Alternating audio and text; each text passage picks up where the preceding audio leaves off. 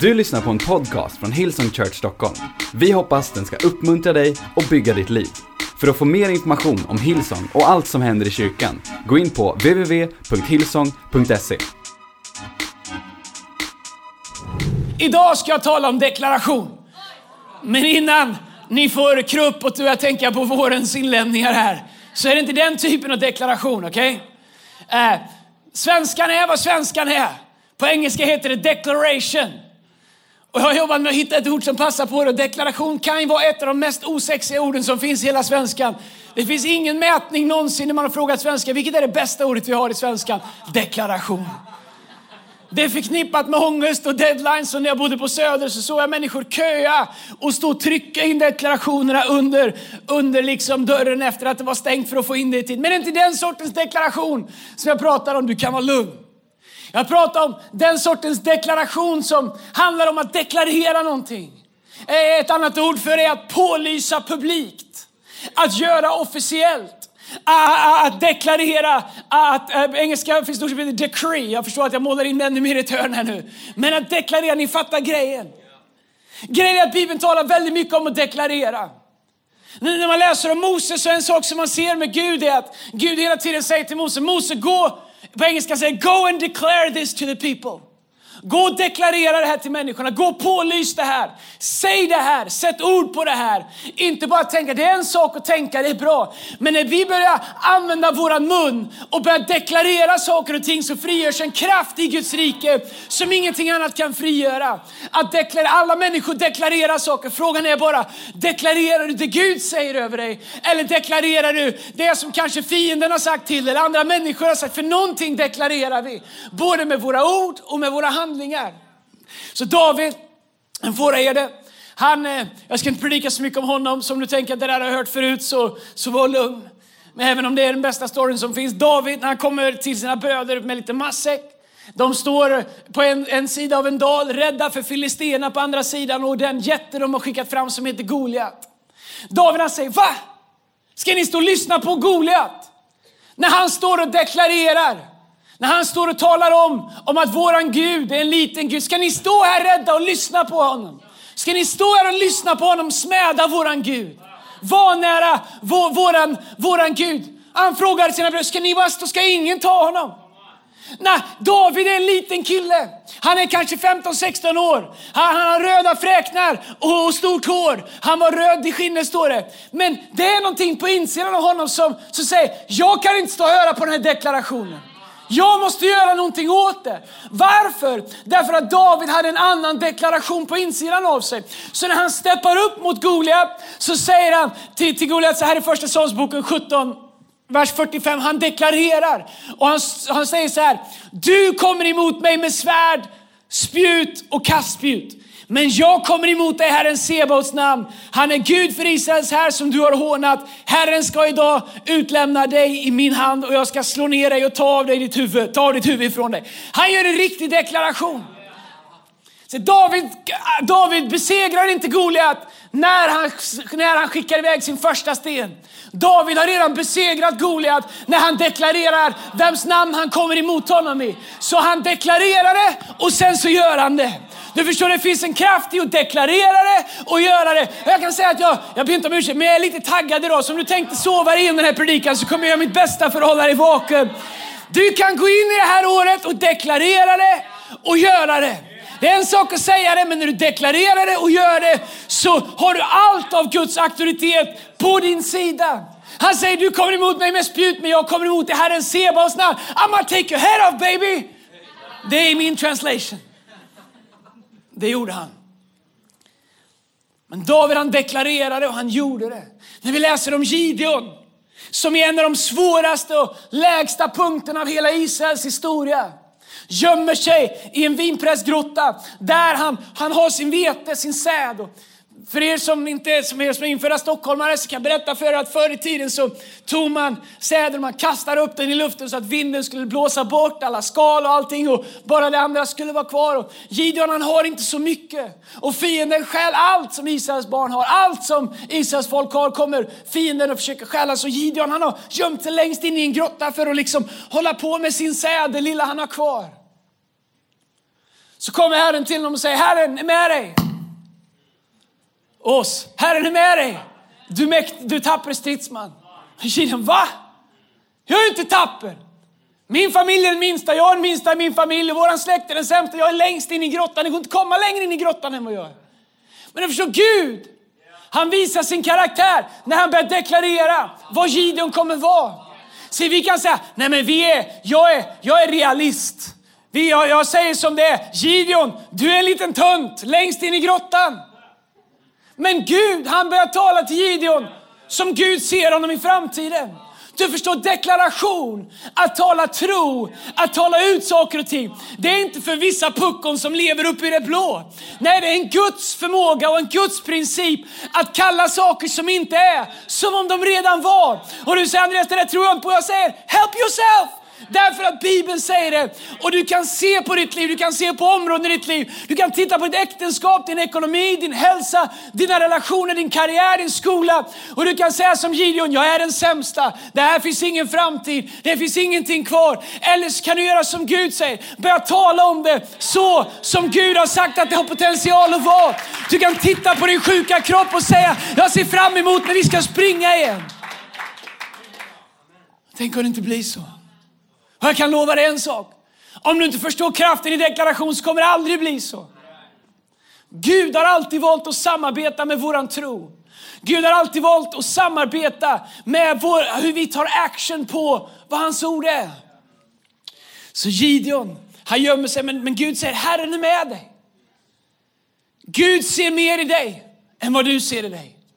Och när du börjar bestämma dig för att se i dig vad Gud ser i dig, och när du bestämmer dig för att börja säga om dig det Gud säger om dig.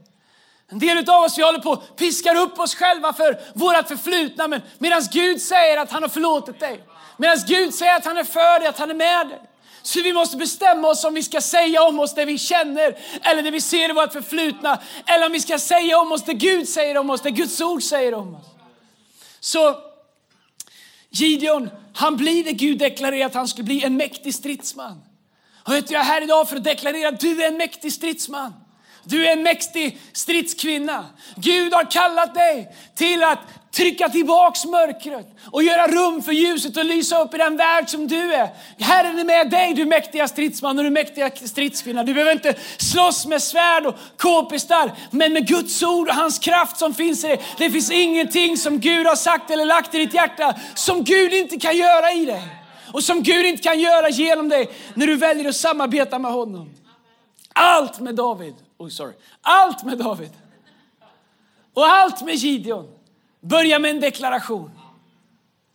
Låt oss börja det här året med en deklaration. Låt oss börja det här året med att deklarera vad Gud säger. Bestäm dig för att läsa ordet, tro ordet, säga ordet och förvänta dig att ordet ska göra det ordet säger. Säg inte det här kommer bli ännu ett år. Säg vad det här kommer bli för år. Det är med en Gud som säger att han är för dig. Med en Gud som säger att allt är möjligt för den som tror. Se inte på omständigheterna och deklarera vad de är. Nej, deklarera vad Gud säger att det kan bli. Vad ska vara din deklaration för det här året? Ordsboken 18 och 21 så står det tungan har makt över liv och död. Den som gärna brukar den får äta dess frukt. Vet du vad jag tror? Att efter uppenbarelsen om Jesus och efter uppenbarelsen om hur den helige Ande arbetar i våra liv så är uppenbarelsen om tungan den viktigaste uppenbarelsen för oss. Det är den största uppenbarelsen i våra liv. Kanske är det därför som det har varit en sån, en sån kamp i våra liv kring, så ofta kring vad vi säger. Kanske är det därför som fienden vill använda våra tal till att tala negativitet. Eller sociala medier är fyllda av dem, media är fyllda av dem. Allt går åt skogen, alla är kass, allt är, allt är knas, inget är bra. Negativitet och det producerar någonting. Men du förstår, Guds ord är annorlunda. Bibeln säger att, att, att liv och död har tungan i sin hand. Den som gärna brukar den, använder den, får äta dess frukt. Tungan kan ge liv, tungan kan ge död. Bestäm dig för att tala frihet. Bestäm dig för att tala victory. Bestäm dig för att tala vad Guds ord säger. Använd din tunga. Du vet så här, du behöver inte säga som det är. Det får du göra också givetvis. Alltså jag säger inte att vi, vi är inte schizofrena. Men när du talar till dina omständigheter, du vet säga, jag säger bara som det är. Nej, säg vad Gud säger att det har potential att bli. Därför att din tunga har liv i sig. Sluta använda våra tungor till död. Konversationer som inte leder till någonting. Samtal om andra människor som inte leder till någonting. Negativa saker. Allt du säger producerar någonting. Faktum är att Bibeln säger att när våran tunga när den talar negativitet så säger Bibeln att det är som att den vore upptänd av helvetets låga själv. Men jag vill inte använda min tunga till det. Jag vill att min tunga ska vara använd för det som behagar Gud, det som Gud har sagt, det som Gud vill. Det som är Guds syften, det som Guds ord säger. Jag ska bli mycket bättre det här året på att använda min mun till att tala och säga det som Gud säger. För att om vi tror som Gud säger, om vi säger det Gud säger, så kommer vi se det som Gud säger. Så jag har tre punkter för att det här inte ska spåra ur helt. Göteborg, är ni med? Nu kommer punkterna, det gillar ni i Göteborg. Niklas Ås, han gillar punkter. Och Jönköping och Örebro och city. Tre saker som vår deklaration kommer göra. Det vi deklarerar kommer göra. Nummer ett, det kommer forma vår framtid. Vi kan tala saker till liv som inte finns. Förstår Gideon, när Gud deklarerar över hans liv och han trodde på det och bestämde sig så, så formade det hans framtid. Innan han, han bestämde sig för att tro det Gud deklarerade och samarbeta med det Gud deklarerade så var hans liv någonting helt annorlunda. Men när Gideon bestämde sig för att ge sig till det som deklareras över hans liv, så formade det hela hans framtid. Vad, vad formar din framtid? Är det en deklaration som någon har sagt, något, något som någon har deklarerat över dig tidigare? Något som någon före detta partner sa, före detta flickvän eller pojkvän, eller före detta eh, relation du har varit i, eller före detta chef, eller före detta whatever, vad det än är, något som har satt dig, något i din uppväxt, något i skolan, något som har deklarerats över dig. Om du håller fast i det och håller kvar i det, så kommer det fortsätta att forma din framtid. Men om du får tag i vad Gud säger om dig, om du får tag i vad Gud har en deklaration över ditt liv på samma sätt som han hade över Gideons liv. Om du får tag i den och börjar tro på den och börjar börjar samarbeta med den så kommer den forma din framtid. Den kommer forma ditt liv i allt det som du gör. Davids deklaration när han säger, du kommer emot mig med spjut och med svärd, men jag kommer emot dig i Herren Sebaos namn. Det formade hans framtid. Det tog honom från herde till kung. Det satte igång resan från att vara en bortglömd fåraherde som hans pappa hade glömt bort att han hade. Förstår du att du är bortglömd när pappa har glömt att du finns? Jag menar, jag har två ungar, jag kan glömma ge dem mat någon gång, men jag glömmer inte att de finns. Men hans deklaration tog honom från bortglömd herde till kung över Israel. Varför? Han sa, jag vet om Gud är. Och jag säger vad Gud säger. Och inte, ingenting kan stå emot det Guds ord säger. Bestäm dig för att Guds deklaration ska få forma din framtid. Spelar ingen roll var du kommer ifrån. Det kan ändå forma din framtid. Hebreerbrevet 11 och 1 säger, tron är en övertygelse om det vi hoppas. En visshet om det som ännu inte kan ses. Se, att tala tro, det är att vara lite crazy. Det är att vara sjuk och säga, jag vet att Gud har gjort mig hel. Det är att vara arbetslös och säga, jag vet att Gud har ett jobb för mig. Det är att, att längta efter vår relation och vara singel och säga, jag vet att Gud håller på att förbereda någon för mig.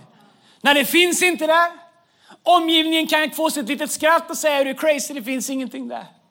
Det är att titta på sitt förhållande, ingenting finns kvar och säga, Gud har gett mig det här, det här ska blomstra igen. Att tro är att våga säga det som Gud säger om det. Tror jag är lite crazy ibland. Kommer få människor att höja på ögonbrynen ibland. När människor säger att det finns ingen väg. Och du säger att det finns alltid en väg, därför att Jesus är vägen, sanningen och livet. Tro, kalla på det som inte finns. Tro, en övertygelse om det som inte finns. En visshet om att det som man hoppas på redan finns. Det, som, det hela Guds rike existerar i det här redan nu, men ännu inte. Allt vad Gud har lovat finns och även om det inte har fullbordats i ditt liv så betyder det inte att det inte finns. Även om det inte har förlöst i ditt liv, dörren inte har öppnats, bönen inte har besvarats, så betyder det inte att den inte har gjorts det. Den har gjort det, men det har inte kommit än. Så vi kan säga, okej, okay, men då är min verklighet och min världsbild som jag formar, den är runt omkring vad jag kan se, för det är det som är på riktigt. Och låt mig säga så här. Det finns triljarders, biljarders, jag vet inte hur många änglar som tycker att Guds verklighet är mer verklig än din verklighet. Som vi säger att verkligheten är det jag kan ta på. Verkligheten är det jag kan se. Verkligheten är vad jag känner. Verkligheten är hur jag ser det. Och, och så drar vi en gräns där och säger till Gud, du, Gud det här är vad du jobbar med. Gud säger, det där är inte ens verkligheten. Det där är bara en stillbild av vart du är nu. Men förstå, Gud han jobbar inte med stillbilder. Gud, han är IMAX, 3D, ongoing, allting. Så om vi tar en stillbild av våra omständigheter och säger, så här är verkligheten. Nej, det är bara här och nu. Men Gud säger, hej, det finns mer av den här filmen. Tro är att redan när vi inte ser det säga att jag vet att det finns. Och jag kommer leva som att jag redan har det. Det är det Bibeln säger att i brevbrevet är tron en övertygelse. Tron är inte fördummande. Tron är inte oh, det, att, att vi är så naiva. Jag bara tror. Oh, skönt för dig. Nej, tron är inte att förneka att livet är fullt av svårigheter. Tron är inte att förneka att ibland blir vi sårade. Att ibland faller vi, att ibland känns Gud långt borta. Tro är inte, eh, det är liksom inte motsats till tro. Allt det där ryms. Gud har skapat mänskligheten, Gud har skapat dig. Men när allt det är sagt och gjort så har du och jag chansen att välja vad som ska vara guidande i våra liv. Om jag skulle guidas av mina känslor, om jag skulle guidas av vad jag ser eller inte ser, eller känner eller tror om mig själv eller inte tror på mig själv. Jag skulle vara helt schizofren. Jag är tvungen att hela tiden gå tillbaka och se, vad är det nu Gud har sagt? Varför var jag kallad till det här? Varför har Gud sagt att det här kommer funka när ingenting verkar funka? Vad är det han har sagt? Vad är det jag ska deklarera? För vi säger, jag säger bara som det är. Åh, oh, du är en ärlig, du säger bara som det är. Men som det är, det kommer inte förändra någonting. Vi förnekar inte hur det är. Men vi säger, Gud har en väg. Gud har en plan. Han har ett namn som får alla andra namn att böja sig. Han har ett namn som sjukdom böjer sig för. Han har ett namn som ondska böjer sig för. Han har ett namn som tvivel böjer sig för. Han har ett namn som alla omständigheter böjer sig för. Jag ser hur det är, men låt mig berätta om ett namn som kan ta det som är till det som han har lovat att det ska vara. Du måste bestämma dig för vad din deklaration ska vara. Vad din bekännelse ska vara. Jag pratar inte om name it and claim it, att Gud är någon slags lyckolott som vi bara tar. Nej, det är inte, jag, jag talar om principerna av Guds rike. Vi kan se när Jesus är där, han använder sig av dem på exakt samma sätt som Gud uppenbarar i, i första böckerna som han, som han har i första Moseböckerna. Tron formar din framtid. I Markus evangelium kapitel 11, vers 22 så säger Jesus så här. Då sa Jesus till dem, ni måste tro på Gud. Sannerligen säger jag er, om någon säger till det här berget, upp med dig och kasta dig i havet och inte tvivlar i sitt hjärta utan tror att det ska ske som han säger. Då kommer det att bli så. Jag har så länge tänkt att det här handlar om berg. Jag fattar att det handlar om tro. Men att det handlar om att, jag bara så Gud, vem behöver egentligen flytta på ett berg? Och jag har varit ute och gått en gång, på, jag var i Skottland för ett tag sedan på Höga Jag tänkte det hade varit en bra feature att ha just nu. Men det är ju ingen som har något större behov av att på att flytta berg. Men det, det är inte det det här handlar om. Och när jag studerar det här häromdagen så inser jag att det, det är ju inte berg han pratar om, det är ju våra tal han pratar om. Ni kanske har fattat det för länge sedan, men tack för att ni väntar på mig. Så det han säger är, om någon säger till det här berget. Han säger inte om någon suckar om det här berget, om någon tänker goda tankar om det här berget, om någon känner för det här berget. Han säger om någon säger till det här berget. Om de deklarerar, vad är ditt berg? Det handlar inte om berg, det handlar om det som står framför oss. Han säger om någon säger till det här berget, upp och kasta det i havet och inte tvivlar i sitt hjärta utan tror att det ska ske. Hur då? Vad är det, vad är det som ska ske? Som han säger. Inte som du tänker. Inte som du kanske funderar på eller anar på eller mediterar på utan som du säger. Är det Guds ord vi läser? Är ni osäkra? Det är Bibeln vi läser, eller hur?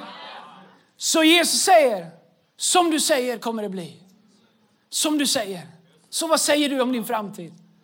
Vad säger du om det som Gud har lagt i din hand? Vad säger du om det som Gud vill göra i dig, genom dig? Vad säger du om din familj? Vad säger du? Det du säger så blir det. Om du tror det och säger det. Det finns en kraft i våran confession, det finns en kraft i våran välsignelse. Det finns en kraft i det som Gud har sagt att vi kan säga i Jesu namn. Jag undrar vilka deklarationer du behöver göra det här året. Nummer två utav 22. Um, det frigör ditt destiny. Davids deklaration, jag älskar Davids deklaration när han säger, jag kommer emot Herren Sebaos namn, det frigjorde hans destiny. Men kolla här, nu. en dag så är, så är Petrus och lärjungarna samlade runt Jesus och Jesus säger, vem säger de att jag är? Ja, en del säger att du är Elia, en del säger att är Johannes. En del, det finns alla möjliga idéer om vem du är Jesus. Så vänder sig Jesus till lärjungarna och säger, vem säger ni att jag är? Petrus säger, du är Messias, den levande Gudens son. Engelska översättningen säger, you are the Christ, the son of the living God. You are the Christ. Du är Messias. Vet du vad som hände när han sa de orden? Hela hans destiny låstes upp. Nästa Jesus säger det, du ska kallas Petrus, klippan. Och jag ska bygga min församling på dig. Du ska leda vägen in i min församling. Ett sak som Petrus deklarerar, han säger du är Messias. Eh, Jesus säger, salig du eh, Petrus, kött och blod har inte uppenbarat det för dig utan min fader i himlen. Det du just deklarerade, det var ingen tanke som du har filosoferat fram, det var uppenbarelse. Men du inte bara tänkte det utan du sa det. En mening förvandlade hela Petrus liv. En mening, kraften i en deklaration. Du kan säga en sak över vad Gud säger över dig och hålla med om vad Bibeln säger. Rätt ord i rätt tid utifrån Guds ord kan förvandla hela ditt liv. Hör du som säger, jag har en företagsidé som jag har i mitt hjärta, jag vill starta men jag hittar ingenstans, jag hittar ingen väg. En deklaration, ett ord kan förvandla ditt destiny. Du som längtar efter helande, efter vad den är. Come on, en sak som du deklarerar i uppenbarelse kan förvandla hela ditt liv. En mening förvandlar Petrus liv. Den tar honom från tvivlare, från, från mess up till han som står upp på pingstdagen och säger, vi är inte fulla som ni tror, klockan är bara nio på morgonen. Vi predikar om han som ni korsfäste. Han som jag förnekade för några dagar sedan, han som jag var rädd för att ni skulle associera med. Någonting sker i Petrus liv. Han säger du är Messias, hans deklaration förlöste hela hans destiny. Din deklaration kommer förlösa ditt destiny. Det förändrar allt för Petrus. Det tredje och det sista som den gör är att den avgör din frihet. Din deklaration kan låsa upp saker som håller dig tillbaks. Andra Korinthierbrevet kapitel 10, vers 4 så står det så här. Nej, de vapen som vi använder är inte mänskliga utan har Guds mäktiga kraft som kan bryta ner alla starka fästen. Vi bryter ner alla tankebyggnader. Så Paulus säger att, att de vapen vi har är inte mänskliga vapen, okay? utan vi, vi, vi tar oss an livet på ett annat sätt. Genom Guds mäktiga kraft som kan bryta ner alla starka fästen. Vad är starka fästen? Engelska ordet för det är strongholds. Vad är starka fästen? Starka fästen är varje plats i ditt liv. Uh, vilken plats som helst i vårt liv där fienden har liksom fått slå sig till ro eller där han har fått en plats. Det är ett starkt fäste. Det kan vara en återkommande synd som du faller tillbaka i, ett beteende du inte kan bryta. Det kan vara rädsla som du inte kan göra dig kvitt av. Det kan vara någonting som, gamla mönster du faller, tillbaka, faller tillbaka i hela tiden. Det kan vara en oförrätt, något, något som du håller fast i, någon som har gjort dig någonting och du håller fast i den, du vägrar släppa den. Det kan vara sår som du vägrar liksom att läka, du är och skrapar av sårskorpan hela tiden. Det kan vara någonting som du har fått med dig från din familj. Kanske är att alla i min familj är så här och därför är jag också så. Någonting som du repeterar, eh, är det ett stronghold. Någonting där fienden håller dig fast. Men Paulus, han säger att eh, han säger att de vapen vi använder är inte mänskliga. Vi bryter inte de här beteendena på mänskligt sätt, utan vi gör det med Guds mäktiga kraft. Ett starkt fäste är vad som helst i livet där du inte lever i seger. Och Paulus han säger till oss att vi kan tala sanning över de lögnerna. Och att, eh, att du kan, det sätt som vi bryter dem i våra liv är att deklarera sanningen, att säga sanningen. Och Paulus hela, hela hans brev pratar om att förnya vårat sinne, att börja säga vad Gud säger om att vägen ut i frihet på de här områdena är att säga sanningen. Har du upptäckt, upptäckt en sak? Det är väldigt svårt att lyssna på lögner här inne om du har fullt upp med att prata sanning med munnen. Och ju högre det ropar lögner på insidan av ju högre behöver du använda din mun för att deklarera sanningen. Ibland behöver du bara säga, jag är vad Guds ord säger att jag är. Jag är fri, jag är förlåten, jag är en övervinnare. Gud älskar mig, Gud är på min sida. Ingenting kan slå mig i bojor eftersom han har satt mig fri. Jag är rättfärdiggjord genom Kristus. Jesus har betalt min skuld. Jag är tvättad i hans blod. Jag är friköpt. Han dog för mig. Allt jag har tillhör Gud. Det förgångna ligger bakom. Jag är inte vad min bakgrund är. Är inte vad min familj säger att jag är, inte vad min ex säger att jag är. Jag är vad Gud säger att jag är. Oavsett vilka lögner djävulen viskar, det sätt som du bryter det är med att använda din mun och deklarera Guds sanning över dig. Du vet om vi förstod kraften i att säga sanningen även när vi inte känner sanningen, så skulle vi förstå vägen till att bryta lögnerna över våra liv. Så Bibeln säger att lögnerna får fäste och slå rot och sen börjar de producera. Helt plötsligt börjar de bli någonting. Och helt plötsligt börjar vi sätta namn på det. Och helt plötsligt börjar vi deklarera det. Och helt plötsligt har vi gjort, gett kraft till det, vilket vi aldrig hade behövt göra. Och jag vill att vi är en kyrka som alltid deklarerar vad Gud säger kommer alltid göra mitt bästa på de här mötena som jag är och säga vad Gud säger. Att Gud är en Gud som är för dig. Jag har sagt nästan varje gång jag predikar som vi startar kyrkan att Gud inte lämnar dig. Att Gud inte kommer att överge dig. Att han som har startat ett gott verk i dig, han är trofast och han är rättfärdig. Han ska göra det även inte Kristi dag. Varför säger jag det hela tiden? Därför att det är sant och eftersom det är sant så säger jag det. Och om jag säger något som är sant så kommer det producera vad Bibeln säger att det kommer producera. Det är så enkelt det är. När fienden säger att du är ensam, deklarera jag är inte ensam, Gud är alltid med mig. Även i en storstad, inte minst ni som bor inne i city. Ni som flyttar hit till Stockholm eller till Göteborg eller vilken stad ni har flyttat till och inte känner någon. Känner er ensamma, tänker jag har ingen. Även i ett rum så stora som våra campusar, där man känner många, kan man känna sig ensam. Fienden kanske till och med nu påminner om och säger, du är inte hemma här, du är inte som de andra, och vad är ens det här? Och ingen förstår mig och ingen bla bla bla bla. bla. Vet du vad, allt det där är bara lögn. Allt är inte sant, du är inte ensam. Nummer ett, Gud är med dig. Han lämnar dig aldrig. Du kan vara mitt i ett rum och känna dig ensam och du kan säga tack Gud för att jag aldrig är ensam. Tack att du är med mig. Men jag känner mig ensam, men det betyder inte att du är ensam. Du är aldrig ensam, Gud är alltid med dig. Dessutom finns det en hel kyrka som älskar dig så du behöver inte vara ensam. Men Gud är alltid med dig. Gud är för dig. Han säger att han aldrig lämnar dig. När fienden fyller dig med hopplöshet, att din dröm är död, att äktenskapet är dött, att hälsan är kass, att ingen vill ha dig, att du är sämre än andra. Deklarera då vad Gud, Guds ord säger och se hur hopp kommer fylla dig igen. Att säga som det är är inte alltid, man säger jag vill bara vara ärlig. Det är inte ärligt. Ärligt bygger på sanning. Hur du känner är inte alltid sanning. Guds ord är sanning. Och Guds ord säger att han är ditt eviga hopp som aldrig sviker. Så om du känner dig hopplös i en situation, så bara för att du känner så. Ibland, vi har gjort våra känslor till, till liksom guidelines i våra liv. Om det känns så, så är det rätt. Well, om jag följde allting som kändes rätt, my God. För det första skulle Lina aldrig stå ut med mig. Jag skulle inte ens komma hit alltid. Jag skulle kanske åka iväg sex månader upp ett berg och gömma mig och jaga, krypa efter djur. I don't know. Vad jag skulle jag vara känner för? Om jag skulle predika när jag känner mig stark, då skulle jag predika en gång var tredje månad. Om jag, om jag skulle, om jag skulle liksom tycka att nu är jag en bra pappa, nu, nu, nu, nu, nu kan jag det. Om jag skulle vara en pappa när jag känner att jag är en bra pappa, då är jag vet inte när man ska vara pappa. Men det betyder inte att Guds löften inte är sanna. Guds löften är sanna. Så jag måste välja, är det jag känner sant eller det Gud har sagt sant?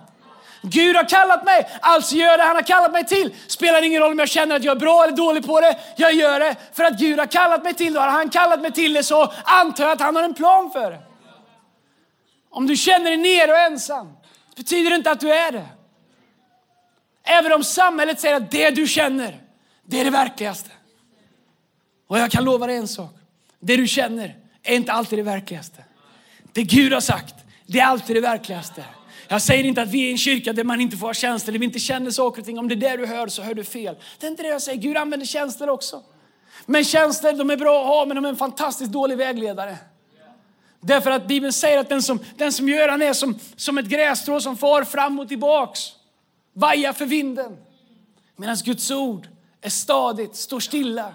Är en fasta punkt som vi kan stå på, en fast grund som vi kan stå på. I Markus så kapitel 4, vers 39, så åker lärjungarna båt och Jesus sover i botten av båten och lärjungarna har panik för att det gungar. Jag antar att det gungade ganska mycket om fiskarna är rädda i båten. Jag antar att det, det var storm på riktigt. Men Jesus han sover medan alla vana sjömän freakar ut. Så de går ner och väcker Jesus och säger Jesus, hur kan du sova? När det är så här, hur kan du sova? Ser du inte att vi håller på att gå under? Jesus han sover. Har du känt så någon gång? Jag bara tänker Jesus, vart är du? Va, jag har gjort allt. Jag ber, jag lovsjunger, jag är med i team. Med städteamet till och med. Come on somebody. Jag är med i allt. Vart är du? Har du känt någon gång som att Jesus, han, han är bara inte där. Så länge går ner till Jesus längst ner i båten och säger, Jesus, hur kan du sova? Bryr du dig inte om att vi håller på att gå under? Men Jesus sover ju för att han vet att ingen båt som han är i kan gå under. När lärjungarna freakar ut för att de fattar inte det här. Det är samma sak i ditt liv. Om du har Jesus i ditt liv så kan din båt inte gå under. Du kan freaka ut hur mycket du vill och undra vart han är och varför han sover och vart tog han vägen. ingen har sett honom här uppe på däck på länge. Så de går ner och väcker Jesus och säger, hur kan du sova när vi håller på att gå under? Fattar du inte hur vi känner? Jesus bara, nej det gör jag inte för jag kan inte känna rädsla. Så säger Markus kapitel 4, vers 39. Engelska översättningen, perfect timing. Lite lägre. Then he arose and rebuked the wind and said to the sea, Peace, be still. And the wind ceased and there was a great calm. Så Jesus han ställer sig upp. Svenska översättningen är felöversatt. Han säger inte tig, var stilla. Han säger frid, var stilla. Så det är en stor skillnad. Frid och ordning. Det är samma, det är samma ord i grundtexten. Frid och ordning. Har du ordning i ditt liv så kommer du ha frid. Har du kaos i ditt liv kommer du aldrig ha frid. Så det Jesus han säger till omständigheterna, han säger peace, frid. Vilket betyder ordning, betyder ordning. Så han ställer sig upp och han deklarerar frid över omständigheterna. Lärjungarna bara, vem är han? Han får till och med vågorna att lyda. Och det handlar inte om vågorna, det handlar om att Jesus han deklarerade bara för lärjungarna det han hade hela tiden. Anledningen att han sov att han hade frid. Han hade ordning. Han hade ingen rädsla, ingen fruktan. Så han säger att jag har frid, det spelar ingen roll hur mycket det gungar, jag har frid ändå. Vilket betyder att jag har ordning, jag vet. Dessutom hade han sagt när de gick i båten, låt oss åka till andra sidan sjön. När Jesus säger att vi ska till andra sidan sjön, jag lovar att man kommer till andra sidan sjön. Så eftersom han har sagt det och han inte kan ljuga så gick han och la sig och sov eftersom han inte har rädsla. Och eftersom han har frid på insidan, ordning i sitt liv. Så lägger han sig och sover. När lärjungarna nummer ett missar att han hade sagt att vi skulle till andra sidan. Så de blev rädda när det började våga. Så de behövde ett yttre tecken på det som Jesus hade på insidan hela tiden. Du förstår, du har samma kraft. Bibeln säger att samma ande som uppväckte Kristus från de döda är mäktigt verksam i dig. Så när du ställer dig upp och deklarerar frid över dina omständigheter, när du deklarerar frid över din relation, frid över din hälsa, frid över, över vilka omständigheter som helst, så är samma kraft som stillar de vågorna, är samma kraft som kommer stilla dina vågor. Men du förstår vad Jesus gjorde var att han skapade inte frid på vågorna. Han bara lät den frid som regerade hans hjärta extendas ut. Han deklarerade till omständigheterna, det som regerar hans hjärta. Varför säger han hela tiden, frid vare med er, frid lämnar jag med er, frid vare hos er, frukta inte, min frid ger er. Varför säger han det hela tiden? Därför att frid är övervinnande. Och du kan deklarera frid över vilka omständigheter som helst, men du kan inte tänka det, du kan inte bara hoppas på det. Du måste lära dig kraften i att deklarera det. Om du behöver, gå in, ni som är föräldrar till era barn när de sover och deklarera Guds frid över deras liv. Deklarera Guds liv över deras framtid framtid. Om du behöver göra det över din partner när han eller hon har somnat, deklarera frid. Guds tankar, Guds purpose, Guds syften, Guds löften, Guds ordning. Om du behöver göra det över ditt hem, över din ekonomi, över din hälsa. Se till att du får en uppenbarelse om vem Gud är. Och att när du säger det med din mun så är det samma sak som Jesus själv säger det. Därför att det är det som den helige Ande betyder. Världen berättar om allt som kan gå fel. Guds ord berättar om allt han redan har gjort rätt för oss. Vi har han som är våran frid i våra liv. Därför kan vi deklarera och eh, frid till alla våra omständigheter. Okej, låt mig sluta med det här. Paulus, han eh, sitter i fängelse, skriver i Fesbrevet kapitel 3, vers 20. Så skriver han, han som kan göra långt mycket mer än allt vi ber om eller tänker oss. Genom den kraft som verkar i oss. Det är ett underbart bibelord, eller hur? Eller hur? Eller hur Göteborg? Han som kan göra långt mycket mer. He who can do exceedingly abundantly above and beyond all things we can think or imagine. Jag tänker att Paulus han var på någon slags andlig high när han skrev det här. Faktum är att han sitter i fängelse och väntar på ett dödsstraff.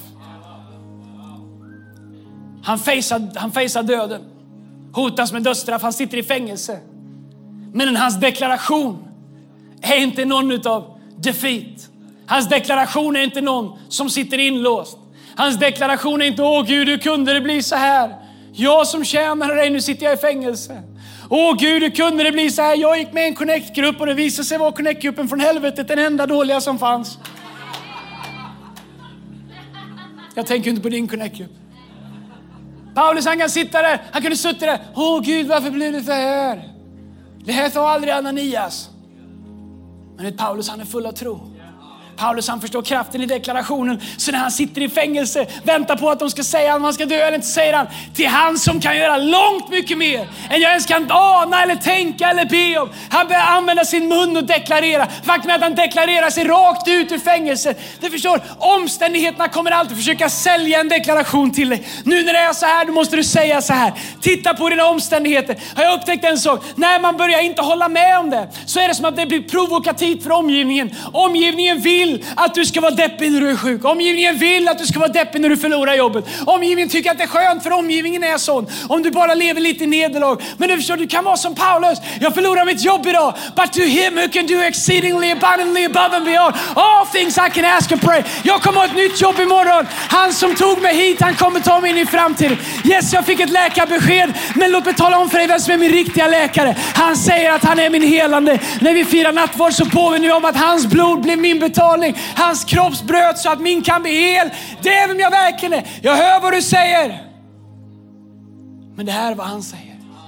Du måste bestämma vem som äger din mun. Bestäm vem som äger din deklaration. Bestäm vem som äger din proklamation. Det är vad han säger som är viktigt. All right, vi ska avsluta. Ska vi stå upp tillsammans på alla våra campusar? Lovsångsteamet kommer fram. Anledningen att det här är så viktigt, lyssna på mig alla. Anledningen att det här är så viktigt, det är att fienden vet. Om du inte tror att du har en fiende, så har du det. Fienden, ondskan, djävulen, han är i krig med allt av Guds syften i våra liv. Fienden vet att om han kan stjäla din deklaration om vad Gud säger, då kan han besegra dig. Du och jag vet att om han inte kan stjäla vår deklaration så finns det inget sätt för honom att någonsin besegra oss. Gud vet att om han kan få dig att deklarera hans sanning kan ingenting stoppa dig från vad Gud har sagt. Om Gud kan få dig att säga vad Gud säger, om Gud kan få dig att deklarera hans sanningar, så finns det ingenting i himmelen, på jorden eller under jorden som kan hindra det Gud har sagt över ditt liv. Som kan hindra vad Guds löften säger. Vi är inte en plastig name it and claim it kultur, det är inte det jag pratar om. Vi är en Guds ord förankrad kyrka som tror att det Gud säger är sant. Och när vi säger vad Gud säger och våran ande håller med om vad, vad han säger så, säger så finns det en kraft som förlöser i vad Bibeln säger. Om du inte tror på det här, I'm so sorry. Jag önskar att du gjorde det, därför att det här är vad Guds ord säger. Jag pratar inte om, inte om ett liv utan svårigheter, ett liv utan problem. Eller någon slags rosa lollipop-liv. Det är inte det jag pratar om. Så är inte mitt liv varit, så är inte mitt liv. Jag kan säga vad det är jag pratar om. Om en auktoritet som bor i dig. Så att om någon säger till det här berget, häv upp och flytta håret och inte tvivlar på vad han säger, då ska han få det han säger i Jesu namn. Så vad ska du säga? Vilken deklaration behöver du göra över ditt liv? Del av er ni kanske bara behöver säga något annat över något område. Och du ska få chansen att göra det alldeles strax. Vi ska sjunga en sång och, eh, som jag har bett teamet att leda oss i. När vi kommer tillbaka så ska vi be. Och vi ska göra några declarations över våra liv, över vår kyrka och, och vad Gud lägger på ditt hjärta. Min bön är det vi sjunger att du skulle fatta mod, att den helige Ande skulle tala till dig om vilka områden du behöver få en ny deklaration. Där du behöver ändra vad du säger om hur du är, hur omständigheterna är. Du behöver få en uppenbarelse om vad Gud säger om dig så att du kan börja säga det Gud säger. Kom on, låt oss, låt oss lovsjunga tillsammans på alla våra campusar. Du har lyssnat till en podcast från Hillsong Church Stockholm. Om du vill veta mer om vår kyrka eller om våra söndagsmöten, surfa in på www.hillsong.se.